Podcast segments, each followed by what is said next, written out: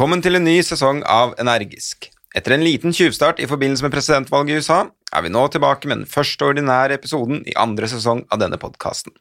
Jeg er fremdeles Ola Hermansen, og med meg i studio har jeg min nye podkastmakker Sjur.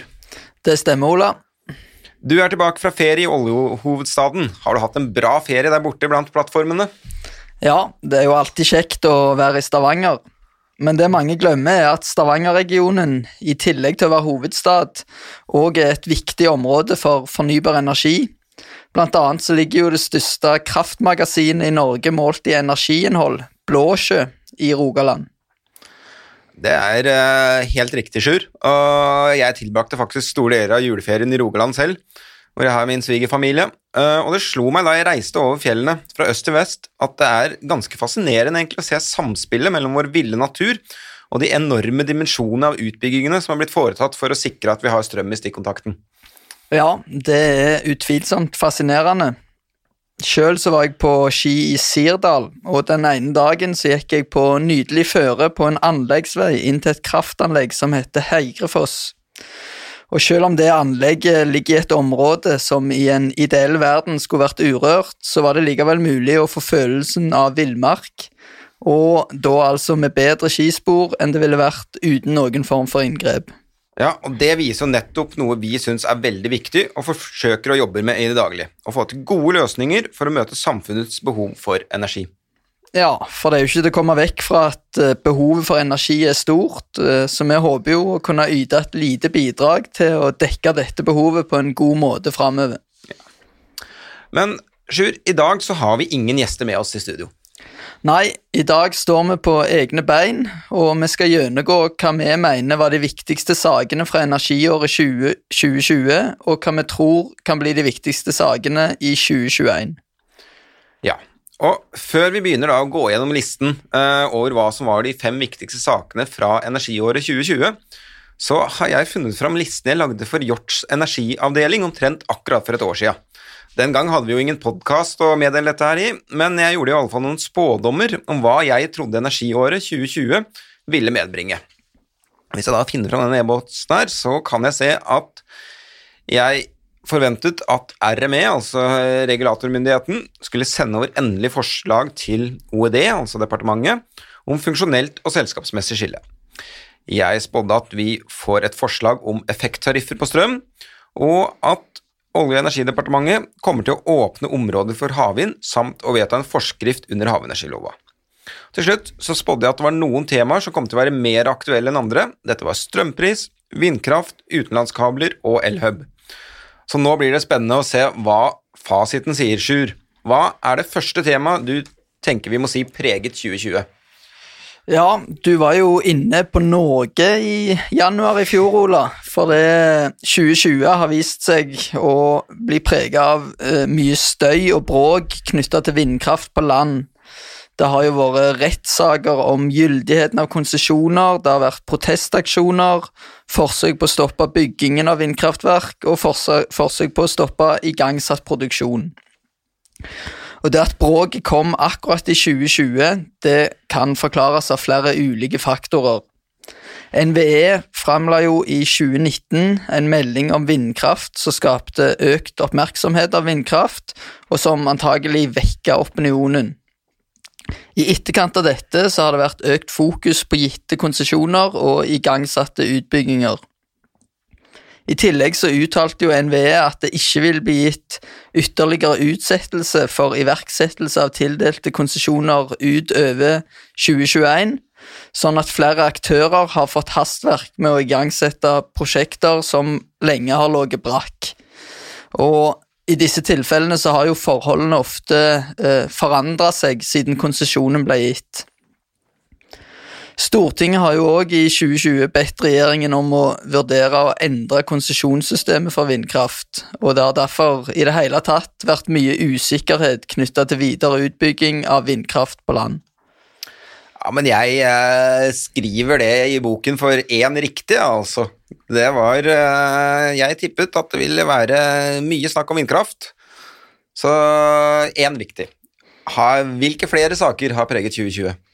Jeg skal faktisk gi deg rett i to spådommer til. Og det er vindkraft til havs og avklaring av rammene for selskapsmessig og funksjonelt skille.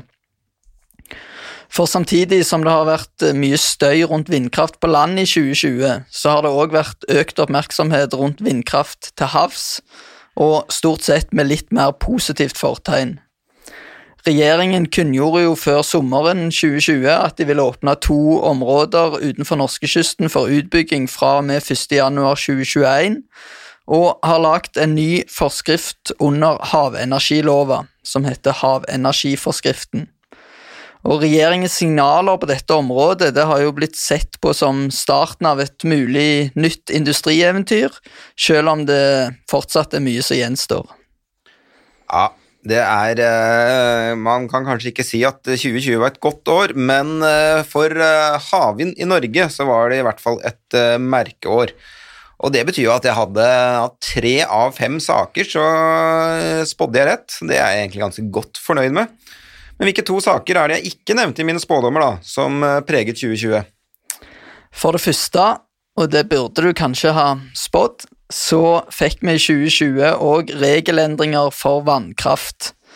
Vi har bl.a. fått endra regler for fastsettingen av grunnrenteinntekten, som forhåpentligvis skal bidra til at det blir mer lønnsomt å pusse opp gamle kraftverk og investere i nye. Ja, det Jeg håpet, men jeg turte ikke å spå. Og for det andre, eh, en annen gledelig nyhet er jo at i 2020 så eh, skjøt for alvor den økonomiske optimismen knytta til utvikling av fornybar energi eh, fart. Og børsene har jo steget jevnt og trutt siden nedgangen i vår, og oppgangen den har vært særlig stor for såkalte grønne aksjer. Og Dette har til og med vært tilfellet for teknologi som ennå ikke er ferdig utvikla, sånn som f.eks. hydrogen.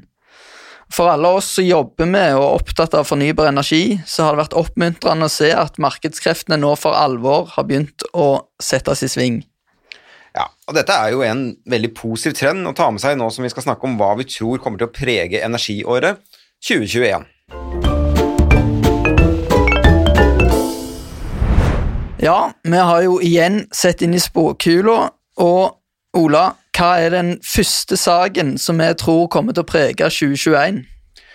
Altså, det kan jo hende at jeg ikke er helt objektiv og har på en måte noen særinteresser, men jeg har virkelig tror på havvind eh, i år også. Dette var jo en av sakene som vi trakk frem for i fjor, og hvor OED leverte da både på åpning av områder og ny forskrift, men jeg tror dette her er bare startskuddet. I løpet av våren skal det komme en veileder for hvordan melding om konsesjon for havvind i Norge skal utformes, og vi kan nok vente oss at de første søknaden sendes inn i løpet av dette året. Videre er det jo også stortingsvalg i år, og jeg ville blitt overrasket dersom eh, ingen av partiene kommer til å love litt valgflesk for utbygging av havvind i Norge. Og så tror vi òg at det kanskje kan komme til å skje noe med vindkraft som ikke bare er til havs, men òg den på land. Ja, Det stemmer. For selv om vi nå er inne i siste år hvor det er mulig å få elsertifikater for eh, vindkraftparkene, altså de som de må være ferdig bygd i løpet av året, så tror vi ikke at vindkraftbråket på land er helt over. Departementet har signalisert nye saksbehandlingsregler for vindkraft på land denne våren, og jeg er sikker på at det kommer til å skape en ny debatt. Er det noe annet enn vindkraft som kommer til å prege 2021? Ja, altså når vi snakker om eh, energi, så tror jeg at eh, diskusjonen kommer til å bli enda mer politisert enn det 2020-debatten var. Ja, for 2021 det starta jo med to plenumssaker i Høyesterett. Den ene handla om ACER, og den andre handla om eh, konflikt mellom reinbeite og vindkraftutbygging. Videre så har vi jo, eh, som våre trofaste lyttere allerede har hørt, så har vi jo snakket om hva det betyr at vi har fått en ny president i USA. Og som du nevnte, Ola, så er det stortingsvalg i år. Og alt dette indikerer at striden mellom klima og natur vil være høyt på den politiske agendaen i år òg. Ja. Og for å avslutte denne spådommen, da, så er det to områder som jeg tror vi for alvor kommer til å merke en endring i 2021. Dette er digitalisering og hydrogen. 2020 det førte til mye hjemmekontor, og med det så eh, var alle som ikke var digitalisert fra før, de måtte ta i bruk de nye hjelpemidlene. Dette har jeg stor tro på at vi kommer til å få se ringvirkningene av i 2021. Det er nye måter å gjøre oppgaver på, og det skaper nye muligheter i en elektrisk verden. For det andre så tror vi at 2021 blir året der hydrogen for alvor tar av. Verden skal bygge ut ekstremt mye vindkraft og solenergi. Det er vel og bra, men dette må balanseres for å kunne nyttes i energisystemet.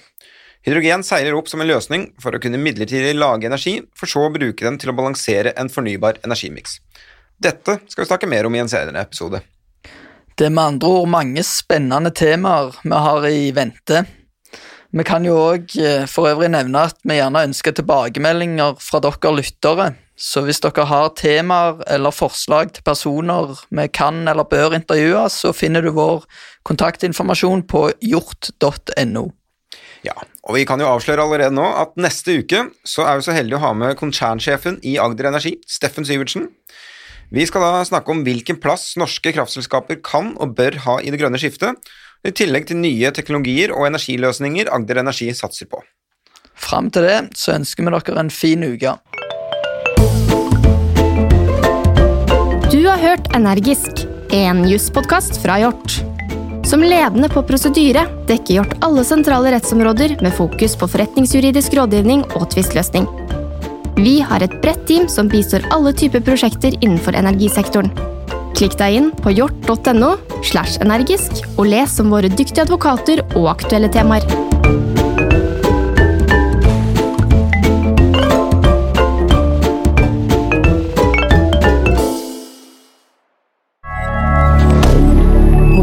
Canada.